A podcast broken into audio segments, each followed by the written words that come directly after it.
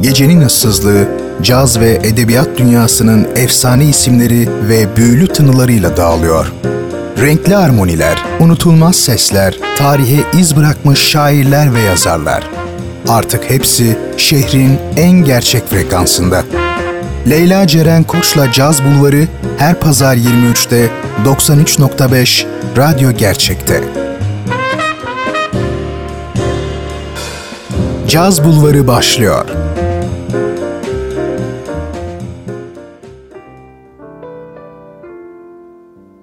93.5 Radyo Gerçek'ten herkese merhaba sevgili dinleyenler. Yine bir pazar gecesi ve şehrin tek edebiyat ve caz sever adresi Caz Bulvarı'nda ben Leyla Ceren Koç'la birliktesiniz.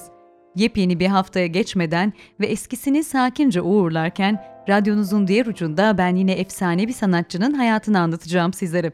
Aslında bu hafta bir edebiyat sanatçısından da bahsetmek istiyordum. Fakat öyle bir konuya girdim ki daha doğrusu öyle bir isme başka birine yer kalmadı bu program için. Gerçekten bu hafta, bu gece sizi tanıştırmak istediğim kişi ki adını söyler söylemez hayranları eminim ki ne demek istediğimi anlayacak ruhani bir müziğin ve cazın doğuşuna hatta ilerleyişine hatta cazın tanımına sahip bir isim John Coltrane.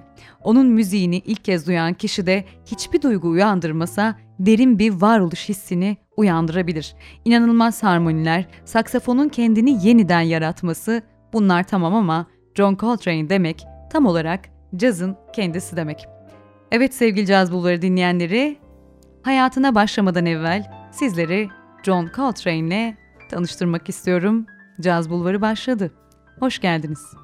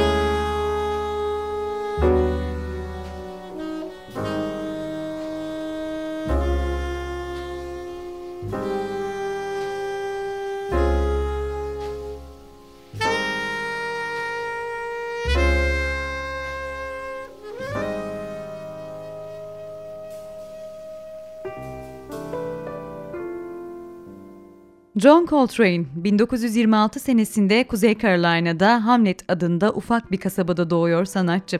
Tek çocuk olarak yetişen Coltrane bir metodist olarak da büyütülüyor. Aile reisliğini ise dedesinin üstlendiği aile dini anlamda da oldukça sadık. Her iki dedesi de papaz olan Coltrane, belirtmeden geçmeyelim, ırkçılık gerekçeleri nedeniyle de göç etme durumunu yaşamış bir isim. Siyahi kilise ise bu anlamda aileyi bir arada tutan en önemli unsurlardan. Aynı zamanda da müzikal deneyimlerinin de ilk adresi burası. İşte Coltrane'in DNA'sına işlenen müzik ve maneviyat ikilisinin ayrılmaz bir bütün oluşunun resmi de burada belki. Çocukluğunun geçtiği Jim Crow'un güneyi ise Amerika tarihinde siyahilerin neredeyse köle muamelesi gördüğü yer diyebiliriz. Öyle ki insanların burada beyazlardan habersiz ibadet etmeleri bile yasak. İşte tüm bu insanlığa aykırı ortamda da caz ve blues perçinleniyor, hatta doğduğu yer bile oluyor diyebiliriz. Bu arada dediğim gibi dedenin aile reisi olduğu kalabalık bir hanede büyüyor sanatçı. Dede, anne, baba, anneanne, halası, amcası ve kuzeniyle birlikte yaşıyor ve iki yıllık bir zaman diliminde de önce babasını ve amcasını ardından da dedesini ve anneannesini de kaybettiği bir ölüm döngüsü yaşıyor adeta ve tüm bu kayıplar sırasında da yalnızca 12 yaşında. İşte bu ağır dönemi atlatmasına da en büyük yardımcı yine müzik oluyor ve John müziğe başlıyor. İlk önce klarnet ve ardından da alto saksafon. Bu arada tabii yaşam şartları da ciddi anlamda değişiyor. Annesi iş bulabilmek için kuzeye gitmek zorunda kalıyor. Coltrane ise liseyi bitirdikten sonra 1943 senesinde Philadelphia'ya e, geçiyor ve savaş sırasında bir yıl kadar irtibat bürosunda çalışıyor. Ardından da yeniden müziğe dönmeye karar veren sanatçı özel bir saksafon hocasından da dersler almaya başlamış annesinin desteğiyle. 16 yaşına geldiğinde ise henüz 2 yıldır çalan Coltrane'in namı yayılıyor ve bu konuşmalar Benny Golson'a kadar gidiyor. Golson ise Coltrane'i dinler dinlemez gruba alıyor ve sanatçının ilk band yaşamı bu şekilde başlamış olmuş. Onun müzikal kariyerindeki en önemli anlardan biri ise 1945 senesinde Charlie Parker'ı dinlemesi. Kelimenin tam anlamıyla Parker'a hayran olup büyüleniyor. Müzik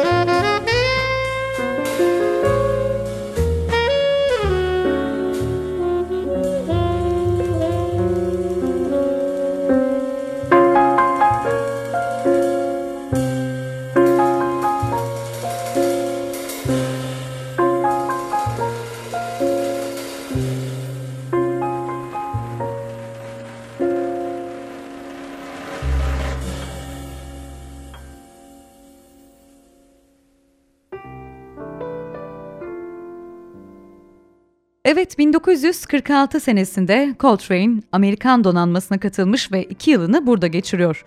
Pearl Harbor'a atandığını da atlamayalım.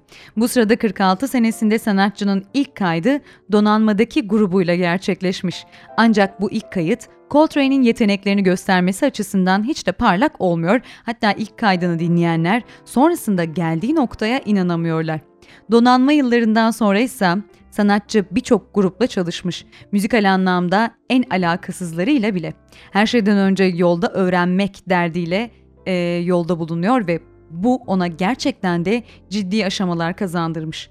1949 senesinden 1951'e kadar Dizzy Gillespie ile çalışma imkanı yakalıyor ve bu dönemde yine Coltrane için inanılmaz önemli çünkü Gillespie dönemin dahilerinden ve aynı zamanda da Coltrane içinde ışık gören isimlerden. Dizzy ile olan döneminde de sanatçı çılgınlar gibi çalışıyor. Otelde bile gece gündüz demeden saatlerce yalnızca parmak alıştırmaları yaparak zaman geçirebiliyor. Tüm bunları enstrümanını adeta vücudunun bir parçasıymış gibi kullanabilmek adına yapıyor. Ancak bu kadar çalışkan olması bazı şeylere yetmiyor. Dizzy Gillespie'nin uyuşturucu konusunda o dönem ciddi kuralları varken Coltrane ve Jimmy Heaty kullanırken yakalıyor Ardından da ikili Dizzy Gillespie'nin grubundan kovuluyorlar. Coltrane yalvar yakar gruba geri dönse de Heath için aynı durum geçerli olmamış. Heath aynı şekilde yalvarıp yakala, e, yakaramamış. Yine de bu geri dönüşte birkaç ay sürüyor ve 1951 Nisan'ında Coltrane tekrar gruptan çıkıyor. Bundan sonraki birkaç yıl onun için durgun geçse de 1955 senesinde düzenli olarak Miles Davis'le çalmaya başlaması sanatçıyı müzikal anlamda yeniden ateşlemiş. Miles Davis, John Coltrane'in kariyerinde oldukça önemli bir yere sahip çünkü onu ciddi plak koleksiyoncularının tanıdığı biriyken herkesin bildiği tanıdığı biri haline getiriyor. Miles Davis beşlisiyle sahneye çıkarak her seferinde aynı hissi taşıyor, sonunu bilmedikleri bir yolculuk. Her ikisi de muazzam derecede iyi çalan, hatta kimilerine göre ilahi bir tınıya ve yeteneğe sahip bir ikili. Caz tarihini caz tarihi haline getiren kişiler belki de. Bu dönemde Coltrane henüz yeni evli bu arada. Hatta tüm Miles Davis grubunun sadıç olarak yer aldığı bir düğünde Coltrane Philadelphia'da e, tanıştığı Naima Austin adında bir kadınla evleniyor ve Naima'nın da Antonia adında bir kızı var. Antonia'nın görünürde üvey babası olması hiçbir şeyi değiştirmiyor Coltrane için. Ee, yine kızı Antonia'nın anlattığına göre oldukça soğuk, karlı bir gecede bütün gece performans gösterdikten sonra ardından eve yürüyerek dönüyor ve Coltrane bunu yapmasının tek sebebi olarak kızının bir çift ayakkabıya ihtiyaç duymasını gösteriyor ve bu ayakkabıları da alıyor gerçekten. Coltrane eşinin ve çılgınca sevdiği kızının huzurlu bir yaşamları olması için gerçekten çılgınlar gibi çalışmış. İşte tam bu döneminde caz ve hayat akıp giderken bir sorun doğuyor. Daha doğrusu Dizzy Gillespie döneminden beri başlayan bir sorun. Coltrane'in hayatında o sorunda madde bağımlılığı. Hem de ciddi düzeyde ve yoğun bir kullanımdan bahsediyoruz. Ancak bu derece uyuşturucu kullanmasına rağmen sanatçı çevresi tarafından yine de çok sevilmiş. Yani biyografi yazarının dediğine göre kitabını yazarken konuştuğu 250 kadar kişiden hiç kimse Coltrane ile ilgili içtiği zaman tam bir bela olurdu demiyor. Hatta insanlar onun bir şeyler kullandığını bile zor anlıyorlarmış. Ancak tüm bunların yanı sıra tabii yine de sağ solu belli olmayan bir tarafı da oluşuyor Coltrane'in. Hatta Miles Davis'in kendi deyimiyle söylersek Konsere öyle bir kıyafetle gelirdi ki sanki içerisinde uyumuş diyor Miles Davis. Tabi bu durum Coltrane'in Davis'in gözünden düşmesine sebep oluyor ve sonunda da Davis onu gruptan çıkarmaya karar veriyor. Kariyerinde o güne dek hiç bu kadar yükseliş yaşamayan Coltrane için bu yükselişin uzun ve sert de bir düşüşü oluyor tabi. Coltrane uyuşturucu problemi e, yaşamını ciddi anlamda etkilemeye başlayınca anlıyor ki Charlie Parker'ın yolundan gidecek ki Parker gibi ciddi bir caz müzisyeninin de sonunu erken yaşta uyuşturucu getirmişti.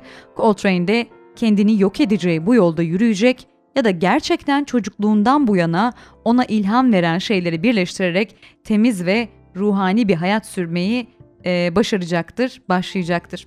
Yani Coltrane işte tam bu noktada ciddi bir yol ayrımına geliyor. Müzik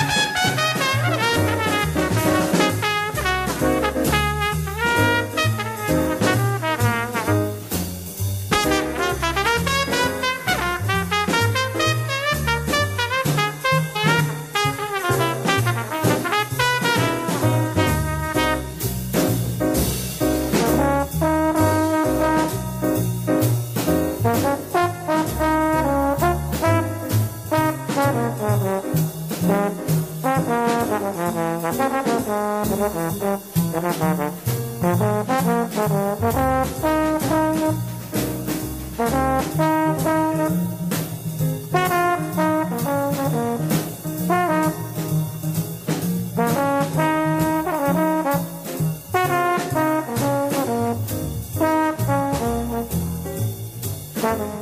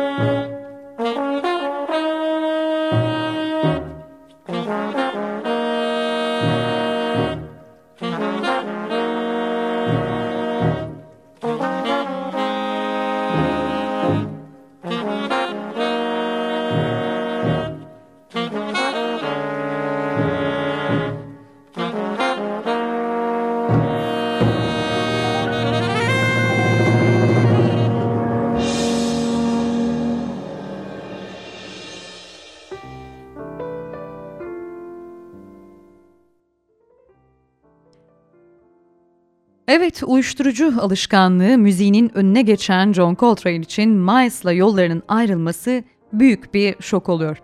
Artık onun için iki seçenek var. Ya bu uçurumdan sürüklenip yere çakılacaktır ya da daha iyisi için çabalaması gerekecek.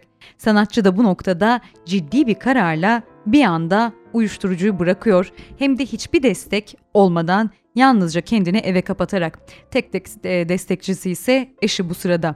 Bu yolun sonunda ise Coltrane tam anlamıyla temizleniyor ve işte gerçek enerjisi tam olarak bu zamandan sonra çıkmaya başlıyor. Adeta ilahi bir amaçla yoluna koyuluyor. İlk adresi de New York. Temizlendikten sonra çok daha iyi çalan, düşünen, üreten sanatçı Temmuz 1957'de Thelonious Monk'la çalmaya başlar. Dönemin en üst düzey sanatçılarından olan Monk, adeta Coltrane'i eğitir ve sanatçı bu dönemin ardından artık gerçek anlamda iyileşir. Aynı sene ise grup lideri, band lideri olarak ilk albümünde çıkarır ve kendi müziğini yapmaya başlar. Bambaşkadır, değişmiştir ve kendisini yalnızca kendisinin bilebileceği bir noktaya zorlamaya başlar. 57 senesinin sonunda ise Miles Davis'in grubuna geri döner. Coltrane'in Miles'la uzun süre çalışmasının sebepleri arasında Davis'in onu özgür bırakması da var elbette. İkiliden hiçbiri diğerine egosal sorunlar yaratmıyor ve Coltrane'in solaları bile genelde Davis'inkinden uzun oluyor. Şimdi sevgili Jazz Bulvarı dinleyenleri ikilinin en önemli kayıtlarından bir bölüm dinleyeceğiz bu noktada. O yüzden bu bölümü kısa keseceğim. Albüm Miles Davis'e ait jazz tarihinin en önemli albümlerinden biri Kind of Blue.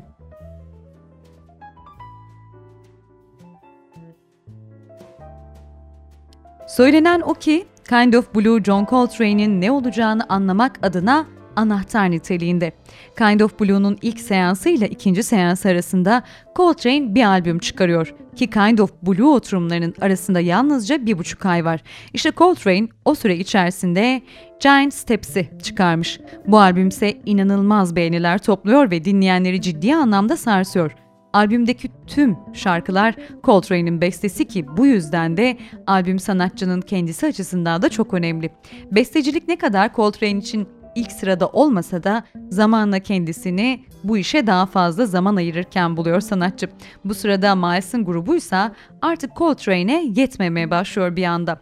Gelişmesine sebep olan Miles Davis beşisinin dışında kalıyor sanatçı çünkü onları aşmaya başlıyor hem müzikal anlamda hem caza bakış açısı anlamında.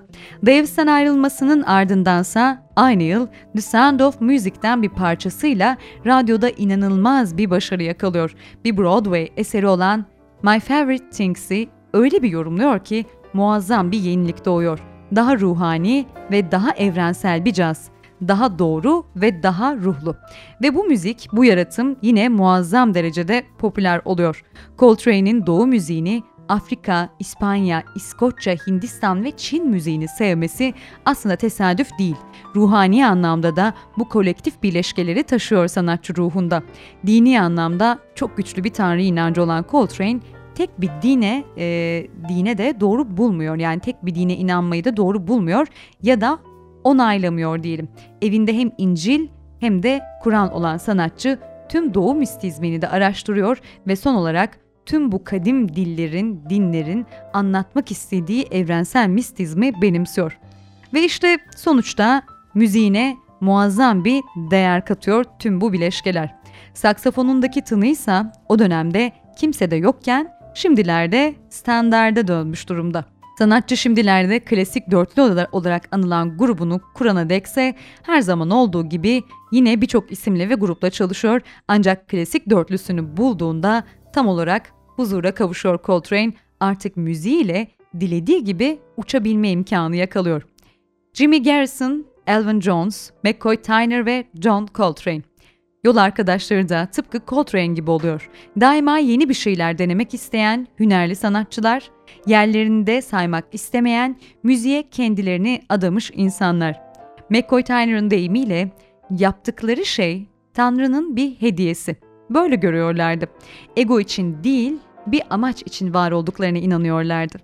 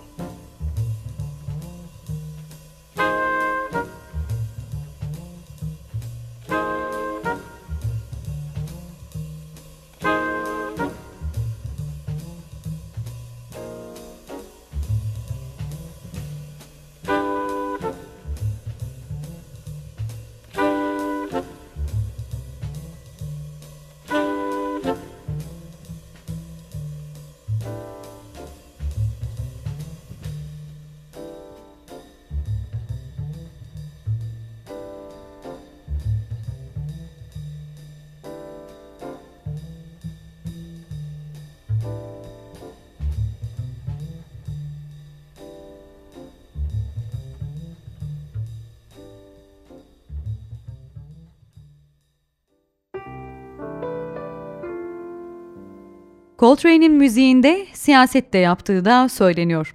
Dönemde yaşanan ırksal ayrımcılık hareketlerinin sonunda korkunç bir e, kilise patlamasında dört çocuğun ölümünün ardından Alabama adında bir eser yazıyor Coltrane.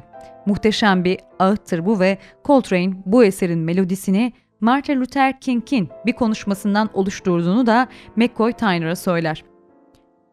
Bugün bu güzel ve sevgili kız çocuklarının naaşının önünde dururken Shakespeare'in kelimelerini tekrarlıyorum. İyi geceler tatlı prensesler. İyi geceler yeni bir günün simgeleri. Meleklerin uçuşu. Sizleri ebedi huzura erdirsin. Martin Luther King'in sözleri bunlar. 60'lı yıllara gelindiğinde ise Coltrane'in özel hayatında da bazı sorunlar oluşmaya başlıyor. Karısı e, Naima ile problemler yaşamaya başlıyor ve Coltrane bu durumun sonunda da evi terk etmiş. Sonraki yıllarda ise Coltrane bir caz müzisyeni olan piyanist Alice ile tanışıyor ve aşık olup evleniyorlar. Destansı bir aşk yaşayan çiftin bu evlilikten tam 3 tane oğulları oluyor.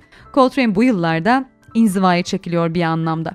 Kendini eve kapatıyor ve çalışmaya başlıyor. İşte bu dönemde yemek yemek için bile neredeyse vakit ayırmayan sanatçının eşi tüm gün ortadan kaybolabildiğini söylüyor. Ve bu inziva döneminin bitiminde de Coltrane için ilk defa her şey hazır durumda bir şekilde tekrar açığa çıkıyor. Stüdyoda ne yapacağını tam olarak biliyor ve işte o efsane ortaya çıkıyor. Love Supreme, Coltrane'in tüm ruhani ve müzikal tarih bileşkesi. Hiç unutmayalım ki hayatlarımızın gün ışığı da, fırtınaları da ve yağmurları da hep Tanrı'dandır her şekilde ve sonsuza kadar Tanrı'ya şükürler olsun. John Coltrane Müzik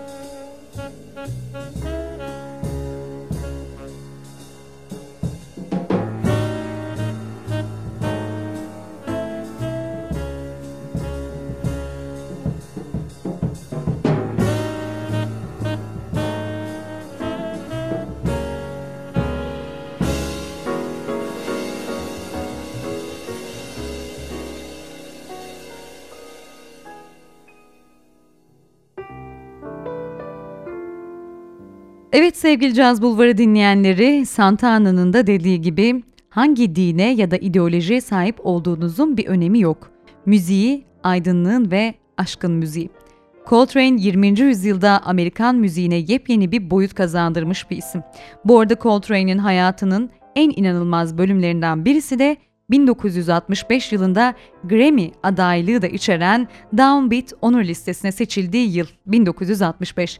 O dönem bu onura erişen ve hayatta olan ilk caz müzisyeni oluyor. Ve tabii bu seneden sonra da durmuyor sanatçı ve yine yeni bir yol izlemek istiyor. Bu defa çok daha uç fikirler. Dinleyenlerin de kulaklarını zorlayacak ve klasik dörtlüsünü ise dağılmasına sebep olacak fikirler. Sonuç olarak sanatçı bu yola Raşit Ali ve karısı Alice Coltrane ile çıkıyor ve grubu büyüterek ikinci saksafon olarak da Farah Sanders'ı getiriyor. Tüm bunların sonunda John Coltrane, bebop'tan Miles Davis beşlisine ardından da klasik dörtlüsüne geçtiği müzikal yaşamında şimdi de yeninin yenisini denemek ister özetle. Coltrane tam olarak jazz tarihinin Hendrix'idir diyebiliriz. Saksafon için bir bilim adamı, sınırları zorlar. Öyle ki onun için canlandırıcı olan bu müzik dinleyenler için bir noktada artık çığlık anlamı, anlamı taşımaya başlar. Coltrane'in bu dönemi için zamanının çok ötesinde olduğunu söyleyenler, düşünenler var. Sanatçının müzikal tarihinde son turnesinin de önemi büyük özellikle yine ruhani açıdan 1966 senesinde son turnesini Japonya'ya gerçekleştiriyor sanatçı ve burada Nagasaki'de önemli bir konser veriyor. O gece Dünyada Barış adlı eserini çalıyor. Yol boyunca ise flüdüyle Nagasaki'nin sesini aramıştır.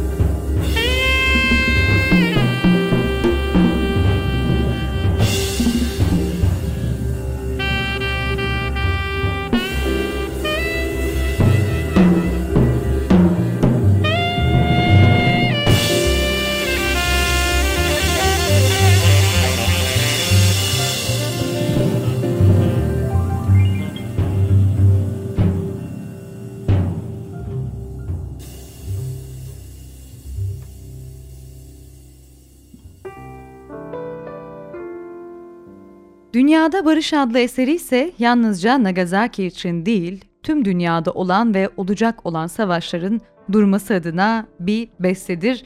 Ruhunda bunu taşır Coltrane. Ve 1966'nın sonlarında 67'ye girerken Coltrane'in iyi olmadığını grup arkadaşları gözlemlemeye başlıyorlar. Sonrasında ise karaciğer kanseri teşhisi konuluyor. Çok genç yaşta yakalandığı bu hastalık çevresini ve ailesini şok ediyor elbette ancak eşi Alice, Coltrane'in ölümünü çocuklarına bile güzel olarak tanımlıyor. Son nefesini verirken hiç acı çekmediğini ve sıcacık olduğunu söylüyor. Geçişini huzurla yaşamıştır. Caz tarihinin en manevi, en ruhani ve müziği ruhunda yaratan ismi John Coltrane. 40 yaşında yaşama gözlerini yumar. Ancak onun müziği bize kalırsa bir Bach ya da Beethoven gibi sonsuzluğa süzülecek. Evet sevgili Caz Bulvarı dinleyenleri, Caz Bulvarı'nın sonuna geldik. John Coltrane'i anlatmaya çalıştım bu hafta sizlere. Benim için çok değerli bir isim ve özel bir isim. Caz tarihine yön veren ruhani bir bilge aynı zamanda Coltrane. Onun müziğini anlatmaya çalıştım. Bu güzel pazar gecesinde uyumadan evvel gözlerinizi kapatıp biraz daha Coltrane dinlemek umarım benim kadar hepinize iyi gelecektir. Haftaya yepyeni bir isimle buluşuncaya kadar şimdilik Caz Bulvarı sona erdi. Herkese huzurlu bir gece diliyorum. Hoşçakalın.